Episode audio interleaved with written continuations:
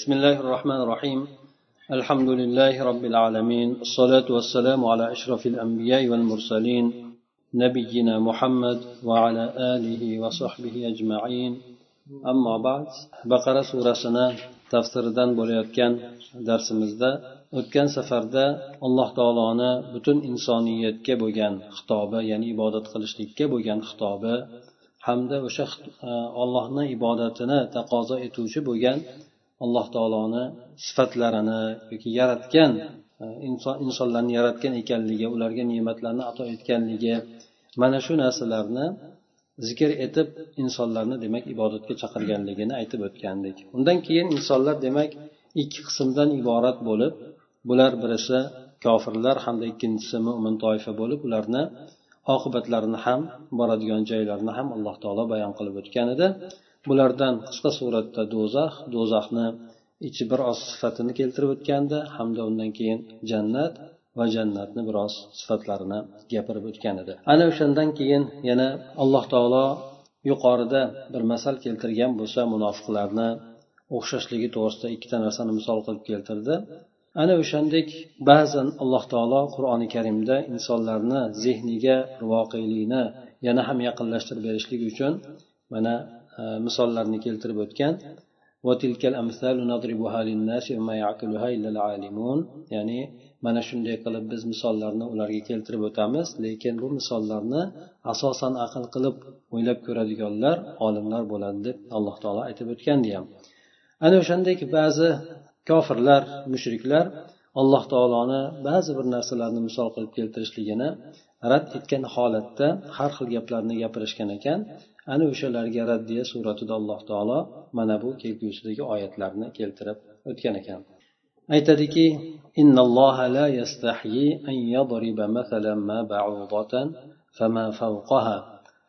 albatta alloh taolo chivin bo'lsin chivin deymizmi pashsha deymizmi ba'zi joylarda chivin deydi ba'zi joylarda pashsha deydi.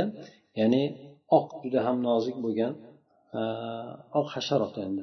Ya'ni uchadigan hasharot hisoblanadi. Ana o'shanday bo'lgan narsalarni hamda undan ko'ra yuqoriroq bo'lgan narsalarni alloh taolo zarbul masal qilib keltirishligidan hayo qilmaydi. Nima uchun bu narsani keltirdi desa chunki kofirlar yahudlar ham mushriklar ham qur'ondagi ba'zi alloh taolo tomonidan keltirilgan misollarni qanday qilib bir inson buyuk bo'lgan inson o'zini gaplarida shunaqangi bir mayda bo'lgan narsalarni misol qilib keltirmaydiku qanday qilib olloh shunaqa narsalarni misol qilib keltiradi deb bu bilan ular qur'oni karimni rad etmoqchi bo'lishib shunday deb aytishganda alloh taolo bu narsalarni rad etib ularga mana shu quyidagi oyatlarni nozil qilgan ekan. Ya'ni aytadiki aytadikitarkaman yastahi an yumathila biha فما لا يستنكف عن خلقها وكذلك لا يستنكف عن ضرب المثل عن, عن ضرب المثل بها ya'ni alloh taolo aytadiki mana bu oyatlarda buni tafsir qilib bu sobuniy aytib o'tadilar ya'ni alloh taolo pashshani zarbul masal qilib keltirishlikni xuddi uni arzimas bir maxluqni misol keltirishlikdan hayo qilgan odamni tark etishligidaqa tark etmaydi. Ya'ni alloh taolo pashshani misol qilib keltiraveradi. Garchi ba'zi insonlar uni juda ham haqir ya'ni juda ham arzimas bo'lgan mayda bo'lgan hasharot deb misol keltirishlikka hayo qiladigan bo'lsa o'sha odamlarni hayo qilishligidaqa alloh taolo bunday bo'lgan narsalarni zarul masal qilib keltirishlikdan hech qachon hayo qilmaydi bu narsalarni tark etmaydi. Nega? Chunki alloh taolo unday bo'lgan maxluqotlarni aslida yaratishlikdan o'zi jirkanmadiku kichkina mayda bo'lgan hasharotlarni yaratishlikdan qanday qilib endi ularni masal qilib keltirishlikdan alloh taolo hayo qilsin deydi demak bu yerda aslini olib ko'radigan bo'lsak o'zi kichkina bo'lgan narsani yaralishligi qancha kichkina bo'ladigan bo'lsa shunchalik bir mahoratni talab etadi deb aytishadi olimlar katta narsani yaratishlik unchalik e, har qalay u ham mahoratni talab qiladi lekin bir narsani hamma o'sha katta narsadagi bo'lgan narsani bir kichkina narsaga jamlab turib o'shanda ham hamma topiladigan narsalarni topiladigan bo'lishligi bu nihoyatda o'sha yaratuvchi tomonidan yoki yasovchi tomonidan juda ham mahoratni talab qiladi deydi. Ana o'shandek alloh taolo bu pashshani o'sha kichkina ko'zga ko'rinar ko'rinmas darajadagi kichkina bo'lgan maxluqotni ham xuddi boshqa maxluqotlarda katta maxluqotlarda topiladigan ko'zlarni topilishligi yurak bo'lsin bosh bo'lsin qorin bo'lsin hamma o'sha katta maxluqotlarda topilishligi mumkin bo'lgan organizmlar yoki bo'lmasa a'zolar o'sha kichkina maxluqotlarda ham topiladigan qilib yaratishligini o'zi ham bitta katta bir mo'jiza bo'ladigan bo'lsa bundan tashqari yana olimlar xosatan shu pashshani tekshirib o'rgangan olimlar juda ham bu e, alloh taoloni yaratgan bu kichkina bo'lgan maxluqotidan hayratga tushgan deydi. Bu kichkina bo'lgan maxluqotdagi alloh taolo bergan xususiyatlar xosatan mana biz bilamiz pashsha kelib qo'nadigan bo'lsa biz uni qo'nib ket bo'lgandan keyin his qilamiz. U xurtumi bor deydi ya'ni tumshug'i bor deydi o'sha tumshug'i bilan hatto insonni nimasini ichiga kiradi. Kirgandan keyin u o'sha kirgan paytini o'zidala insonni qonini tekshirib ko'radi deydi. Ya'ni o'sha qon unga yoqadigan qonmi yoki yoqmaydigan qonmi? Darrov o'sha yerda tahlil qilib ko'rib turib agar yoqadigan bo'lsa uni oladi. Olishlikdan oldin esa terini o'ldirar ekan. O'zidagi bir modda bilan terini o'ldirib go'yoki kirganda bilinmaydi tortib olib chiqib uchib ketgandan keyin odam sezadi. Chunki o'sha paytda u ketgandan keyin Э, terini o'ldirganlik xususiyati ya'ni yo'qolib odam shunda his qiladi. Lekin e, o'sha kelib qo'nib chiqqan paytida odam hech qanaqa narsani sezmaydi deydi shunga o'xshash demak bu kichkina bo'lgan maxluqotlarni ham maxluqotni ham juda ham ko'plab o'ziga bo'lgan o'ziga xos bo'lgan xususiyatlari bor ekan. Albatta alloh taolo bu kichkina maxluqot bo'lishiga qaramasdan buni yaratganda ham o'zini juda ham alloh taolo bir e, yaratuvchilik sifatini shunda ham mujassam etganligini shunda ham ko'rsatganligini bu inson xosatan ahli ilm bo'lgan yoki o'sha dunyoviy sohasida buni tekshirib biladigan olimlar tomonidan bu narsa o'rganib chiqilgan ekan. Shundan ular bu pashshani bunday suratda ekanligidan hayratga tushganligini aytib ham o'tishadi.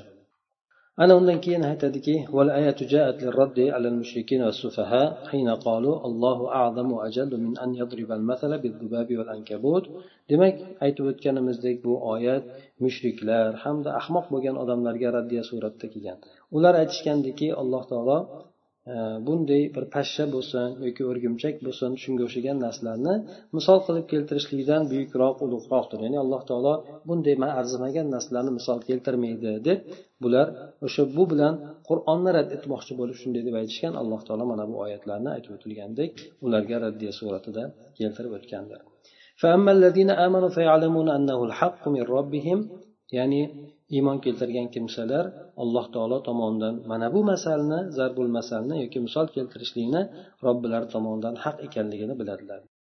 Albatta qaysi bir narsa bo'ladigan bo'lsa alloh taolo tomonidan qilingan yaratilgan yuborilgan narsa bo'ladigan bo'lsa aytilgan narsa bo'ladigan bo'lsa demak bu yerda odamlar ikki toifaga o'z o'zidan bo'linib qoladi.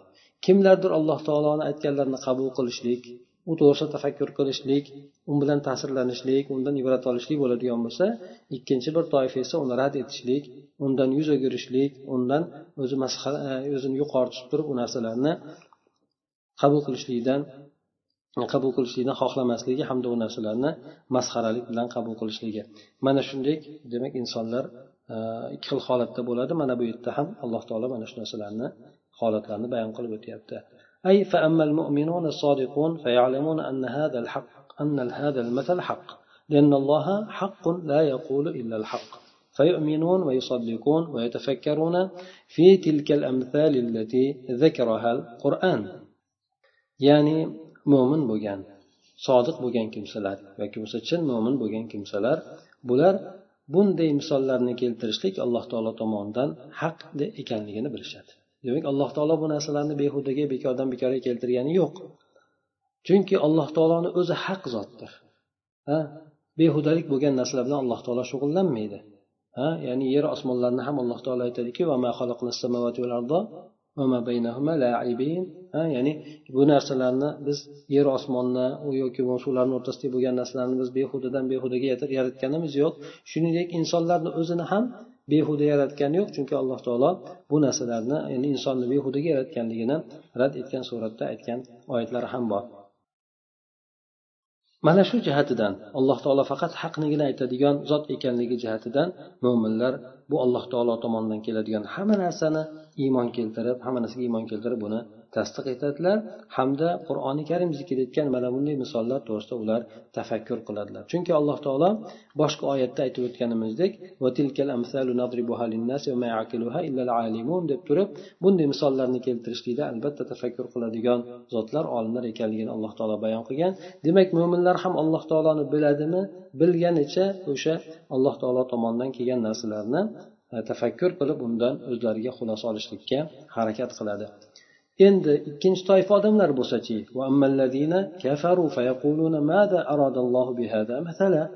kofir bo'lgan kimsalar bular aytishadiki alloh taolo mana bunaqangi narsalarni misol qilib keltirib nimani xohlabdi o'zi deb masxara omuz aytadilar deydi ya'ni أما الجاحدون الكافرون فيقولون ساخرين مستهزئين ماذا أراد الله بضرب المثل بهذه الأشياء الحقيرة أما inkor etuvchi bo'lgan kofir bo'lgan kimsalar bular masxara qilib ustidan kulib aytishadiki alloh taolo olloh mana bunga o'xshagan arzimagan haqir bo'lgan narsalarni misol qilib keltirishlik bilan nimani xohlagan ekan o'zi deb bular masxaromuz aytishadi. Bu bilan ular alloh taolo tomonidan yuborilgan payg'ambarni inkor etishmoqchi bo'ladi u olib kelgan qur'onni rad etishmoqchi bo'ladi. من شند قلب الله تعالى يضل به كثيرا ويهدي به كثيرا أي يضل بهذا المثل الكفار الذين ينكرون أنه من عند الله فيزدادون به ضلالا ويهدي به المؤمنين الذين يعلمون أنه الحق من ربهم فيزدادون هدى دمك الله تعالى من شندك مثال بلان o'z tomonidan yuborilgan shunday misollar bilan ko'pchilikni alloh taolo adashtirib qo'yadi. Va ko'pchilikni hidoyatga ham yo'llab qo'yadi deydi. Demak alloh taolo insonlarni har xil narsalar bilan imtihon qiladi. Jumladan shunday misollarni keltirishlik bilan alloh taolo insonlarni imtihon qiladiki bular qanday qabul qiladi alloh taolo tomonidan yuborilgan nurni hidoyatni yoki bo'lmasa alloh taolo tomonidan yuborilgan vahiy qur'onni. Mana shunday yuborib turib odamlarni demak qaysi birlari qabul qiladi qaysi birlari rad etadi shunday qilib imtihon qiladi dedi. Demak bu misol bilan alloh taolo kofirlarni adashtiradi. Bu kofirlar kimlar edi? O'zi aslida bu misolni alloh taolo tomonidan ekanligini inkor etadilar. Ha ya'ni bular aslida qur'onga iymon keltirishmaydi. Shuning uchun qur'onni ichida zikr qilingan narsalarni ham iloji boricha rad qilishlikka harakat qilishadi. Shuning uchun bular yana ham mana bunday misollarni keltiradigan bo'lsa avvaldagi zalolatini ustiga yana zalolatda ziyoda bo'ladilar dedi. Qur'onni inkor etib turgan bo'lsa mana bunday misollarni keltirishligi ularni yana ham qur'onni battarroq inkor etishligiga sabab bo'ladi. Mo'minlar esa qanday bo'ladi? Mo'minlar esa mana shu alloh taolo keltirgan misollar bilan hidoyat topishadi. Yana ham iymonlari ziyoda bo'ladi. Chunki bular bunday bo'lgan narsalarni robbilar tomonidan haq deb bilishar edi. Shuning uchun yana bu narsani o'rganib bu narsani bilib yana ham hidoyatda iymonda bular ziyoda bo'ladilar dedi demak bir narsa alloh taolo tomonidan bir narsa yuborilsa uni odamlarni ikki toifaga ajralib ketishligiga sabab bo'lar ekan bir oyatni inkor etishlik bilan inson zalolatga botib qolishligi yoki alloh taolo tomonidan bir oyatni kelishligi bilan uni o'qib o'rganib undagi bo'lgan hikmatlarni bilib yoki bo'lmasa o'sha oyatlarni alloh taolo tomonidan ekanligini bilganligidan yig'lab shunday qabul qilishlik mana shu mo'min toifasi tomonidan bo'lar ekan.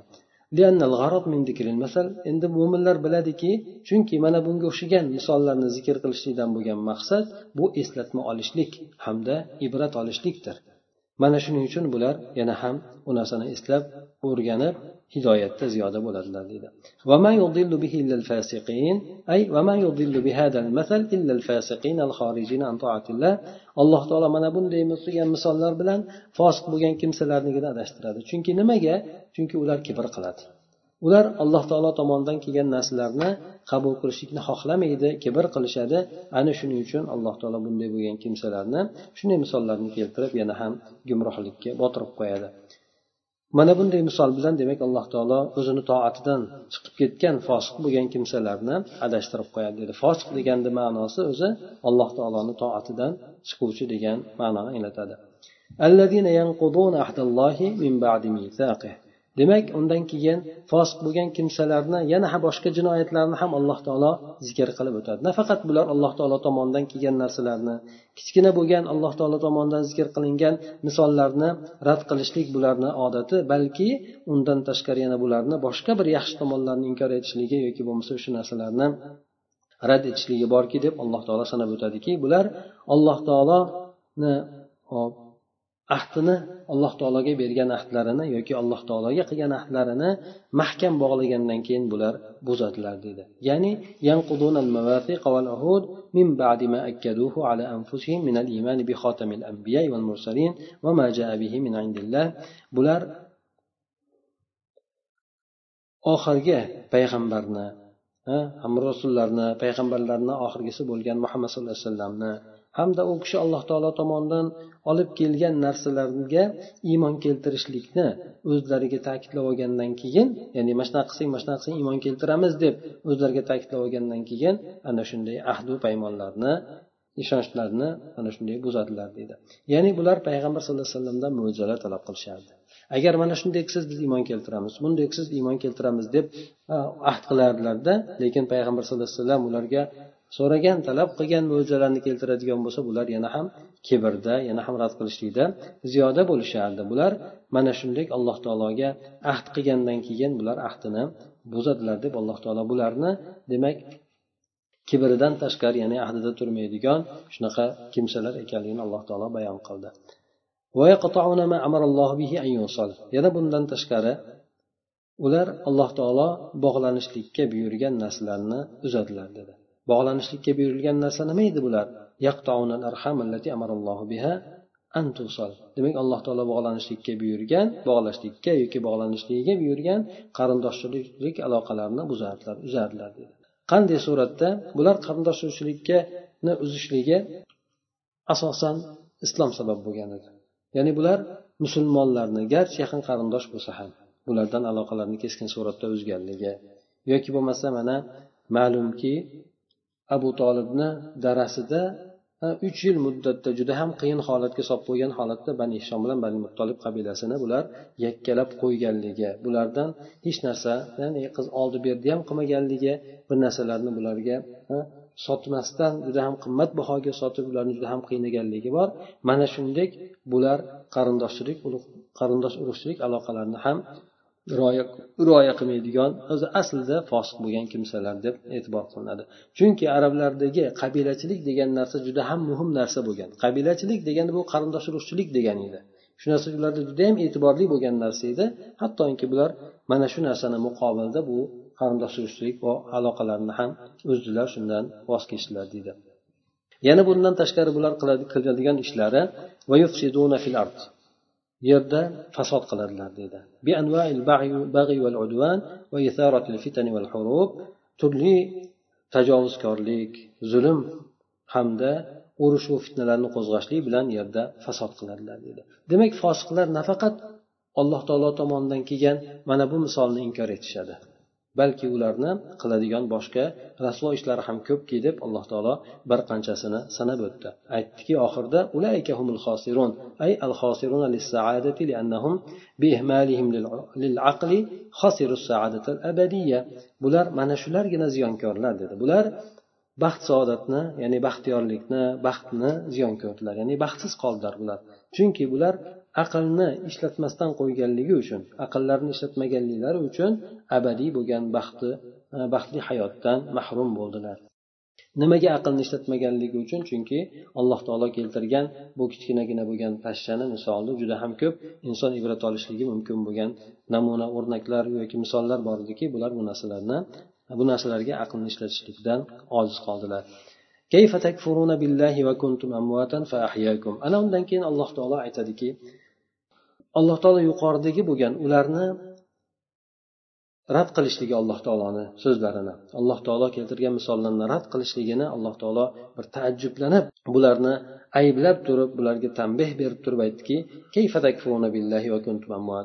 qanday qilib sizlar kofir bo'lasizlar. Qanday qilib alloh taolo aytayotgan narsalarni inkor etasizlar? Holbuki sizlar o'lik bo'lganlaringiz ya'ni yo'q bo'lgandilaringiz. Hattoki mana inson ya'ni onasini qornida bo'ladigan bo'lsa u yo'qlar holatda bo'ladi. Sekin sekin alloh taolo unga hayot beradi.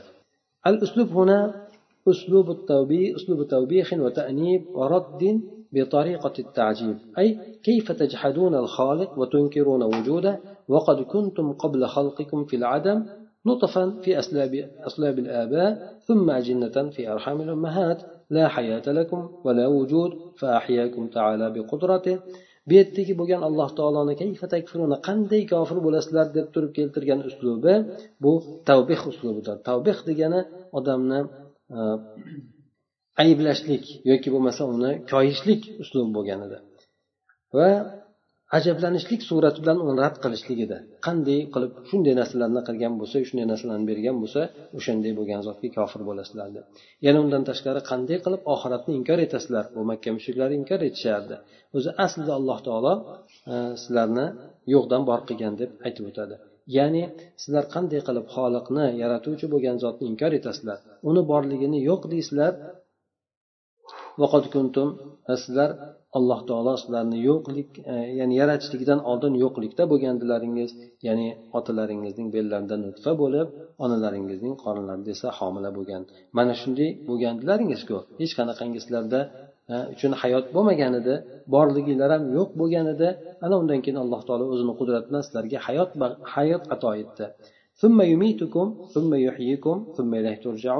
so'ng alloh taolo mana bu dunyoda yashaganinglardan keyin sizlarga hali vafot ettiradi undan keyin yana qiyomatda hisob kitob uchun sizlarni qayta tiriltiradi sizlar alloh taoloni huzuriga qaytarilasizlar deb aytib o'tadi ya'ni ثم يميتكم بعد انتهاء آجالكم ثم يحييكم بالبعث من القبور ثم إليه مصيركم للحساب والجزاء alloh taolo sizlarni muddatlaringiz tugagandan keyin sizlarni vafot ettiradi Ana undan keyin qabrlaringizdan qayta tiriltirishlik bilan e, sizlarga hayot ato etadi yana. Ya undan keyin alloh taoloni huzurida hisob kitob uchun jazo mukofotni olishligi uchun bo'ladigan oqibatlaringiz allohga bo'ladi deb aytadi. Ya'ni alloh taolo qanday bo'lgan zot edi ha yuqoridagi bo'lgan ne'matlarni alloh taolo bir qanchasini bayon qilib o'tdi.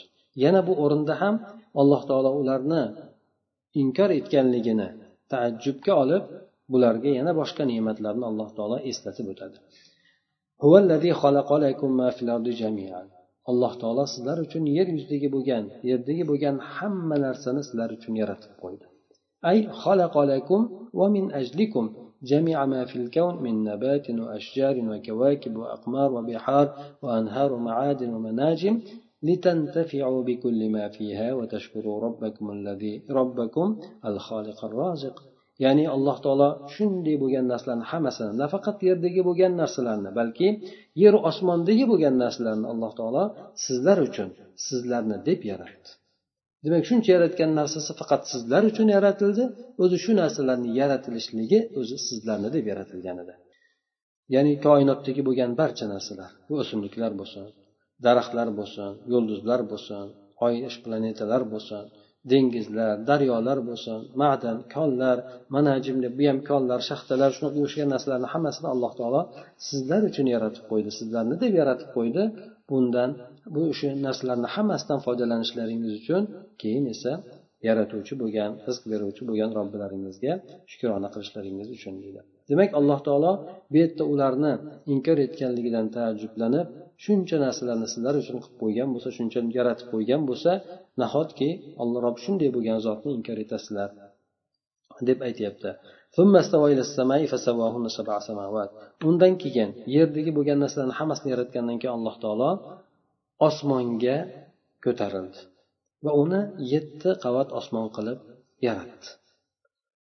Ay فجعلها سبع سماوات طباقا فكيف تكفرون بمن خلق هذا الكون وأبدعه ya'ni alloh taolo yerni yaratgandan keyin osmonlarni yaratishlikni qasd qildi ana osmonlarni yetti qavat qilib yaratib qo'ydi qanday qilib endi sizlar mana shunday koinotni yaratgan juda ham ajoyib bir suratga keltirgan zotga kofir bo'lasizlar Xalaqo degan abdaa degani ham xalaqo degan ma'nosida yaratdi degan ma'nosida. Faqatgina abdaada avvalda mislsiz bu qilib yaratdi deydi. Bir o'xshatmassiz qilib yaratdi. Avvalgi o'xshatmalarga qilib yaratishlik yoki o'xshatmasiz yaratishlikni umumiy suratda xalq deb aytadigan bo'lsa yaratish deb aytadigan bo'lsa bir narsani yangitdan avvalda hech narsasi bo'lmagan boshqa yangitdan boshlab yaratishlikni abdaa deb aytiladi. Masalan odam alayhissalomni ibdo deb aytiladi. Ya'ni alloh taolo abda deydi. Ya'ni avvalda misli yo'q bo'lgan holatda yaratdi deydi. Lekin undan keyingi qolgan hamma xalqlarni yaratilishligi bular avvalda misli bor suratda ya'ni odam alayhissalomga o'xshatib yaratdi endi insonlarni. Ana o'shandek bo'lgan zotga qanday qilib kofir bo'lasizlar dedi. Alim. Bu zot esa sizlar tomonidan sodir bo'ladigan hamma narsalarni bilib turuvchi bo'lgan zotdir. Ay subhanahu alimun ma xalaqa va abda la taxfa alayhi khafiya ya'ni alloh subhanava taolo yaratgan hamma narsasini o'zi biluvchidir alloh taologa biron narsa maxfiy bo'lmaydi afala ta'tabirun أن بأن القادر على خلق هذه العجائب ذو قادر على إعادتكم بعد الموت endi sizlar ibrat olmaysizlarmi mana shunday ajoyib maxluq ajoyib koinotni ajoyib borliqni yaratishlikka qodir bo'lgan zot sizlarni o'lgandan keyin qayta tirishlikka qodir bo'lmasa Shundan ibrat olmaysizlarmi? deb alloh taolo mana bu o'rinda aytib o'tadi. ثم ذكر تعالى قصة الخليقة أبي البشر عليه السلام فقال وإذ قال ربك للملائكة إني جاعل في الأرض خليفة أي اذكر يا أيها الرسول حين قال رب العزة والجلال للملائكة الأبرار إني خالق في هذا الأرض بشرا يخلف بعضهم بعضا قرنا بعد قرن وجيلا بعد جيل so'ng alloh taolo yana boshqa bir ne'matini zikr qilib o'tdi. Boshqa bir katta bo'lgan ne'matni zikr qilib o'tdiki bu insonni yaralishligi edi. Inson odam alayhissalomni yaralishligi qolgan insonlarni ham shu dunyoga kelishligi mana shu dunyodagi bo'lgan ne'matlar bilan foydalanishligini boshlanishi bo'lar edi. Alloh taolo demak maxluqotlarni ya'ni odam alayhissalomni yaralishlik qissasini zikr qilib o'tdi. Bu butun insoniyatni otasi edi endi u kishi. Alloh taolo aytadiki eslang ey muhammad sallallohu alayhi vasallam. Robbingiz vaqtiki farishtalarga aytgan edi men yerda bir o'rinbosarni qilaman deb. Ya'ni ey rasul payg'ambar sallallohu alayhi vasallam eslatma ya'ni eslang. Izzat hamda ulug'lik robbisi bo'lgan zot ulug' bo'lgan farishtalarga aytgandi. Men mana bu yerda bir insonni yaratamanki ular biri birisiga o'rinbosar bo'ladi. Avlodma avlod asrma asr deb keltiryapti. Demak bu yerda xalifa degan so'zni olimlar har xil tafsir berishgan. Ya'ni alloh taolo yer yuzida xalifa qilaman deganini har xil tafsir berishgan. Ba'zi olimlar alloh taolo o'zidan xalifa qildi. Ya'ni yerda ollohni buyruqlarini bajaradigan bir kimsani yaratishligini alloh taolo xabarini berdi farishtalarga deydi. yana boshqa bir ma'noda mana bu kishi ham keltirib o'tyapti xalifa deganda biri boshqasidan o'rinbosar bo'ladigan ya'ni biri o'tsa uni orqasidan boshqa avlod keladi biri o'tsa uni orqasidan boshqa avlod keladi mana shunday ma'noni ham aytib o'tishgan قالوا أتجعل فيها من يفسد فيها ويسفك الدماء أنا undan keyin farishtalar alloh taologa aytishdi ey parvardigori olam mana bu yer yuzida unda fasod qiladigan qon to'kadigan kimsalarni qilasanmi ya'ni o'sha xalifalik lavozimiga yerda fasod tarqatadigan qon to'kadigan kimsalarni qilasanmi deb farishtalar aytishdi ay qolat الملائكة على سبيل الاستفساء عن الحكمة لا على سبيل الاعتراض كأنهم يقولون يا ربنا كيف تخلق من يفسد في الأرض بإراقة الدماء والمعاصي والفجور والاعتداء ya'ni farishtalar bu yerda ollohni yaratishlikdagi hikmatni bir bilishlik yo'lida shunday deb aytishdi Istifsor degani shuni tafsilotini so'rab bilishlik ma'nosida farishtalar aytishdi. Ya'ni ollohni yaratishligiga e'tiroz suratida emas. Go'yoki ular aytmoqchi bo'ldilarki ey robbimiz qanday qilib yana bu yerda fasod tarqatadigan ya'ni qon to'kishlik bilan fasod tarqatadigan gunohlar jinoyatlar tajovuzkorlik shunday ishlar bilan fasod tarqatadigan kimsani yer yuzida yaratadigan bo'lsang deb bular aytishdi. Biz senga hamd aytib tasbeh aytamiz seni doim ulug'laymiz dedi أي ونحن ننزهك عما نسب إليك نسب إليك الملحدون ونعظم أمرك ولا نعصيك بحال من الأحوال يعني بالسنة mulhid bo'lgan kimsalar allohni inkor etuvchi dahriy bo'lgan kimsalar senga nisbatlaydigan narsalardan seni poklaymiz seni buyruqlaringni biz juda ham ulug'laymiz. Senga biron bir holatda ham osiylik qilmaymizku. Ha biz o'shanga loyiq emasmizmi deb farishtalar tomonidan demak alloh taologa mana bunday so'zlar bo'ldi. Ana undan keyin alloh taolo aytdiki qola inni alamu ma la ta'lamun ay a'lamu ma la ta'lamun min al-hikmati fi khalqihi wa khalqi zurriyati wa fi zurriyatihi anbiya wa fudala yuslihuna fil ardi wa la yufsidun fa in qil kayfa arafatil malaika أن ذرية آدم سيفسدون في الأرض فالجواب. adam ya'ni alloh taolo aytdiki men sizlar bilmaydigan narsani bilaman. dedi ya'ni sizlar bilmaydigan bu odamni yaralishligidagi bo'lgan hikmatni uni zurriyotini yaralishligidagi bo'lgan hikmatni men bilaman. Albatta odam alayhissalomni zurriyotida payg'ambarlar bo'ladi fozil bo'lgan kimsalar bo'ladiki bular yer yuzida isloh qiladilar. Hech qachon fasod qilmaydilar bular. Ana endi deb bular shunday deb aytdi. Demak alloh taolo bu yuqorida sizlar bilmaydigan narsani bilaman deb demak insonlarni ichida shunday bo'lgan kimsalarni ham yaratishligini alloh taolo e'tibor qildiki bu farishtalardan ham ulug' bo'ladigan. Muhammad sallallohu alayhi vasallam bo'ladigan bo'lsa albatta farishtalardan ulug' yoki bo'lmasa payg'ambarlar keladi bu payg'ambarlar ham farishtalardan ulug' yoki bo'lmasa qancha qancha bir solih odamlar o'tadiki bular ham ancha muncha farishtalardan ulug' bo'ladi. Ana o'sha narsalarni iroda qilgan holatda allohu alam alloh taolo sizlar bilmaydigan narsalarni men bilaman deb aytdi. Bu yerda endi savol bo'lsa qanday qilib farishtalar odam alayhissalomni zurriyoti yerda fasod tarqatadi? Shuni bilishdi. Qanday qilib bilishdi bu narsani?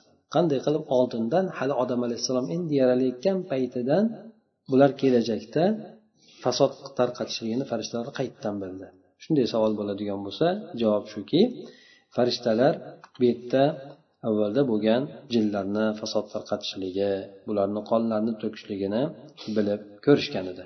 Ya'ni insondan oldin yer yuzida farishtalar e, nima jinlar yashagan edi. Odam alayhissalom yaralishlikdan oldin bular jinlarda yoki bo'lmasa shaytonlarda asosiy g'olib bo'lgan narsa fasod. Bulardagi o'sha e, juda rasvo ishlarni qilishlik mana shu narsalarni farishtalar ko'rgan edi shundan xabardor bo'lgandi. Ya'ni bilamizki jin toifasi ham inson toifasi kabi mukallaf bo'ladigan toifa. Alloh taolo tomonidan bularga ixtiyor berilib ularda iymonli bo'ladigan kofirli bo'ladigan xususiyatga ega bo'lgan maxluqot hisoblanadi.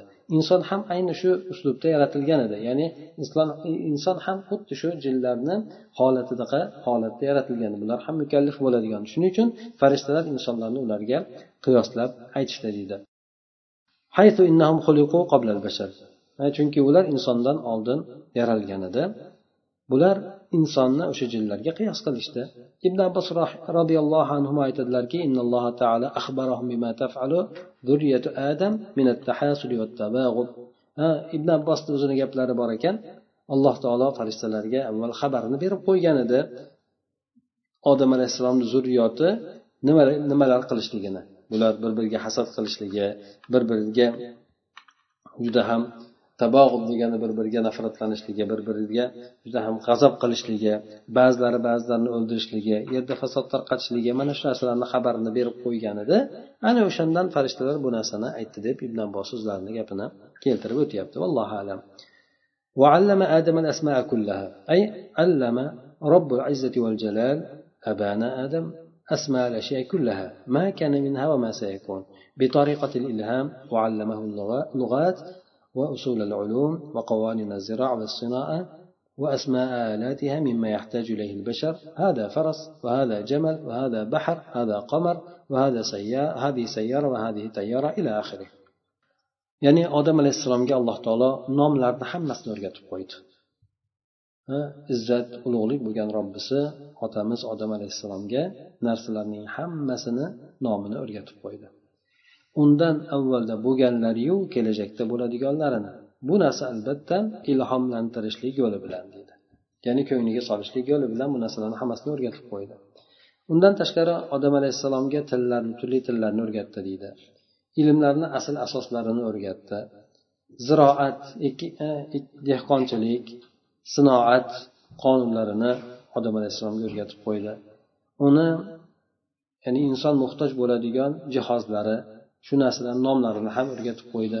Masalan bu ot bo'lsin tuya bo'lsin dengiz yo oy bo'lsin. Masalan sayyora moshina yoki samolyot shunga o'xshagan narsalarni hammasini nomini bu kishiga o'rgatib qo'ydi. Ya'ni inson hayoti davomida muhtoj bo'ladigan barcha narsani nomini alloh taolo odam alayhissalomga bildirib qo'ydi deb aytadi. Ibn abbos roziyallohu anhu aytadilarki allamahu asma kulli shayn hatta al-qas'ata wal mighrafa va asma jami'al ashya.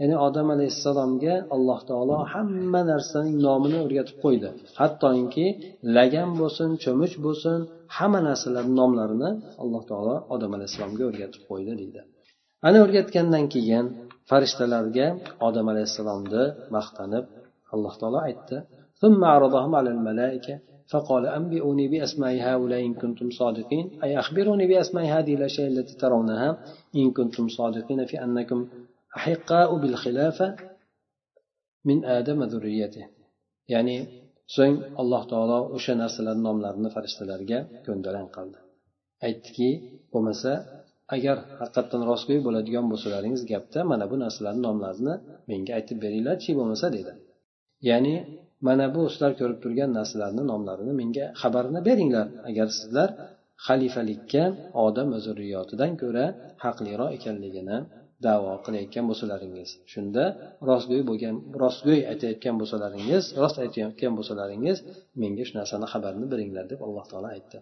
قالوا سبحانك لا علم لنا إلا ما علمتنا إنك أنت العليم الحكيم farishtalar nima deb aytishdi ya'ni parvardigori olam albatta biz seni poklaymiz bizni ilmimiz faqat sen bizga ta'lim bergan narsalardan boshqasi yo'q faqat biladiganimiz sen bizga o'rgatgan narsanigina bilamiz albatta sen hamma narsani biluvchi zotsan hamda hakim ya'ni kimga nima narsani o'rgatishlikni o'zing yaxshi biladigan hikmatli bo'lgan zotsan deb أي قالت الملائكة ننزهك يا ربنا عما لا يليق بك من صفات العجز والنقص ونعترف إليك بعجزنا وضعفنا أمام علمك الواسع فليس عندنا من العلم إلا ما علمتنا إياه إنك أنت العليم بكل أمر والحكيم في صنعك وتدبيرك.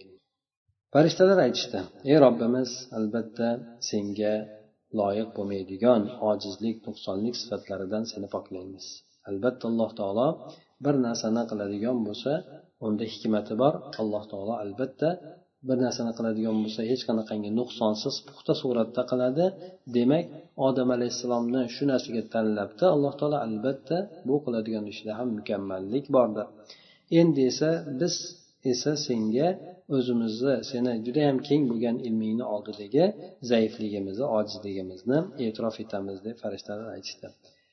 bizda esa sen bizga bergan ya'ni o'rgatgan narsalardan boshqa narsani ma'lumoti yo'q albatta sen hamma narsani biluvchi bo'lgan zotsan o'zingni qiladigan ishlaringda tadbiringda hikmatli bo'lgan zotsan deb ular javob qilishdi قال يا آدم أنبئهم بأسمائهم أي قال الله يا آدم أخبرهم بأسماء الأشياء التي عجزوا عن علمها واعترفوا بقصورهم عن إدراكها ey odam alayhissalom bo'lmasa siz ularga bu narsalarni nomlarini hammasini aytib bering dedi. Ya'ni alloh taolo aytdiki ey odam bular bilishlikdan ojiz bo'lgan hamda uni idrok etib anglab yetishlikdan bo'lgan nuqsonliklarini e'tirof etishgan mana bu narsalarni nomini siz ularga aytib bering dedi. Demak farishtalar ko'p narsani bilishmas ekan. Alloh taolo bildirgan narsanigina biladi. Undan ortiq bo'lgan narsalarni bilishmaydi. Lekin bularni boshqa bir xususiyatlari borki bular alloh taolo buyurgan narsalarga so'zsiz itoat etishligi mana shunday xususiyatlari bor edi. Lekin bir farishta bilan insonlarni o'rtasidagi bo'lgan tafovut farishtalar o'zini bobida afzal hisoblanadi insonlar ham o'zini bobida afzal hisoblanadi. Farishtalar itoat etmas ya'ni itoat etishlik itoatsizlik qilmaslik bobida eng afzal bo'ladigan bo'lsa insonlar esa ulardan boshqa ya'ni ixtiyoriy bo'lgan suratda ibodat qilishlik tomoni bilan ya'ni insonlarda boshqa kuchni ya'ni yomonlikka targ'ib turuvchi narsani bo'lishligi bilan birgalikda o'sha narsani yengib turib allohga ibodat qilishlik bilan bular mana shu sohada farishtalardan afzal bo'ladi deb aytishadi. فلما أنبأهم بأسمائهم أي فلما أخبرهم آدم بأسماء كل الأشياء التي رأوها وعرفهم بخصائصها ومنافعها والحكمة من وجودها قال ألم أقل لكم إني أعلم غيب السماوات والأرض وأعلم ما تبدون وما كنتم تكتمون يعني odam alayhissalom ularga narsalarni nomlarini xabarini bergach ya'ni ular ko'rib turgan barcha narsalarni nomlarini aytib bergach va ularga o'sha narsalarni xususiyatlarini nima narsalarda manfaati borligini o'sha narsalarni bor bo'lishligidagi bo'lgan hikmat mana shu narsalarni hammasini ularga tanishtirib berdi. Alloh taolo keyin aytdiki ularga men sizlar uchun aytmaganmidim men yer osmonlardagi g'oyib bo'lgan narsalarni bilaman. Kelajak bo'lgan narsalarni bilaman. Albatta sizlar ichlaringizda yashirayotgan narsalarni ham oshkor aytib turgan narsalaringizni ham bilaman deb alloh taolo aytdi أي قال تعالى للملائكة ألم أخبركم بأني أعلم ما خفي عنكم في عالم السماوات والأرض وأعلم ما تظهرونه وما تخفون في نفوسكم من دعواكم أن الله لا يخلق خلقا أفضل منكم ya'ni bu yerda alloh taolo farishtalarga aytdiki men sizlarga xabarini bermaganmidim aytmaganmidimki men sizlardan maxfiy bo'lib turgan narsalarni ham bilaman. Bu yer osmondagi bo'lgan yeru osmonlar olamida bo'lsin sizlardan maxfiy bo'lib sizlarga ko'rinmay bilinmay turgan narsalarni ham men bilaman.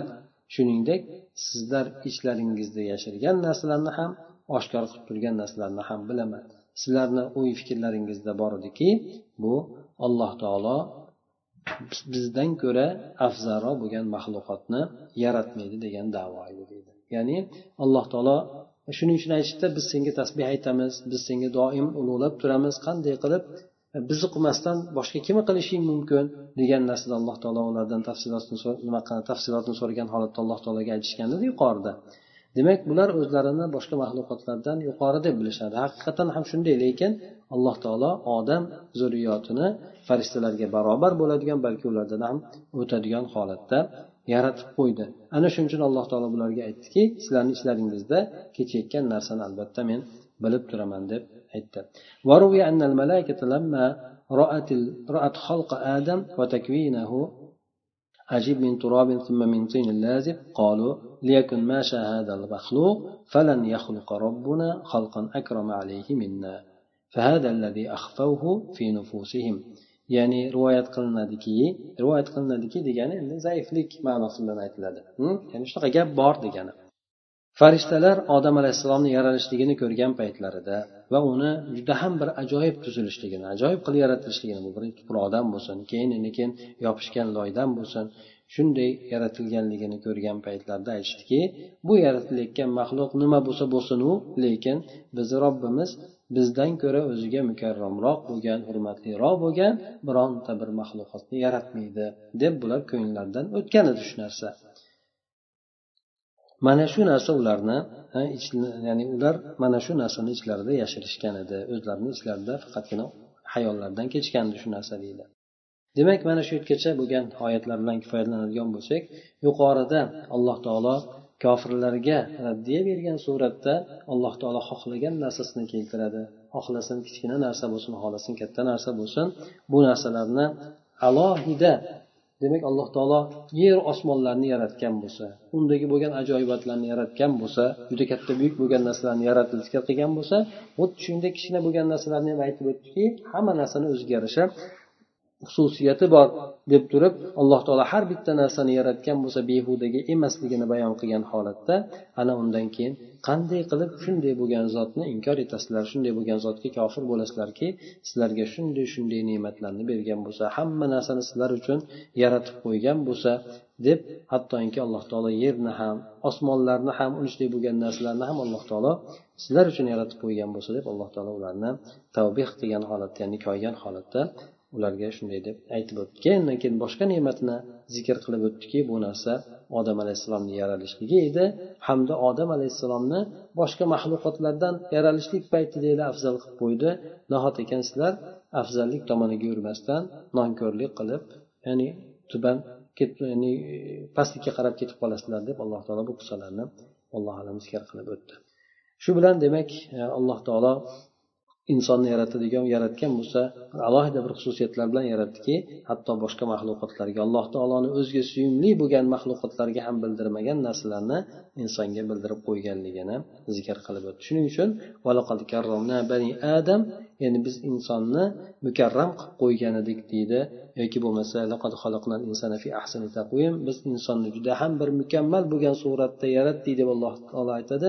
Lekin bu mukammallikdan bu mukarramlikdan quyi ketadigan bo'lsa insonlarni hattoki ular chor hayvonlardan ko'ra battarroq deb aytdi.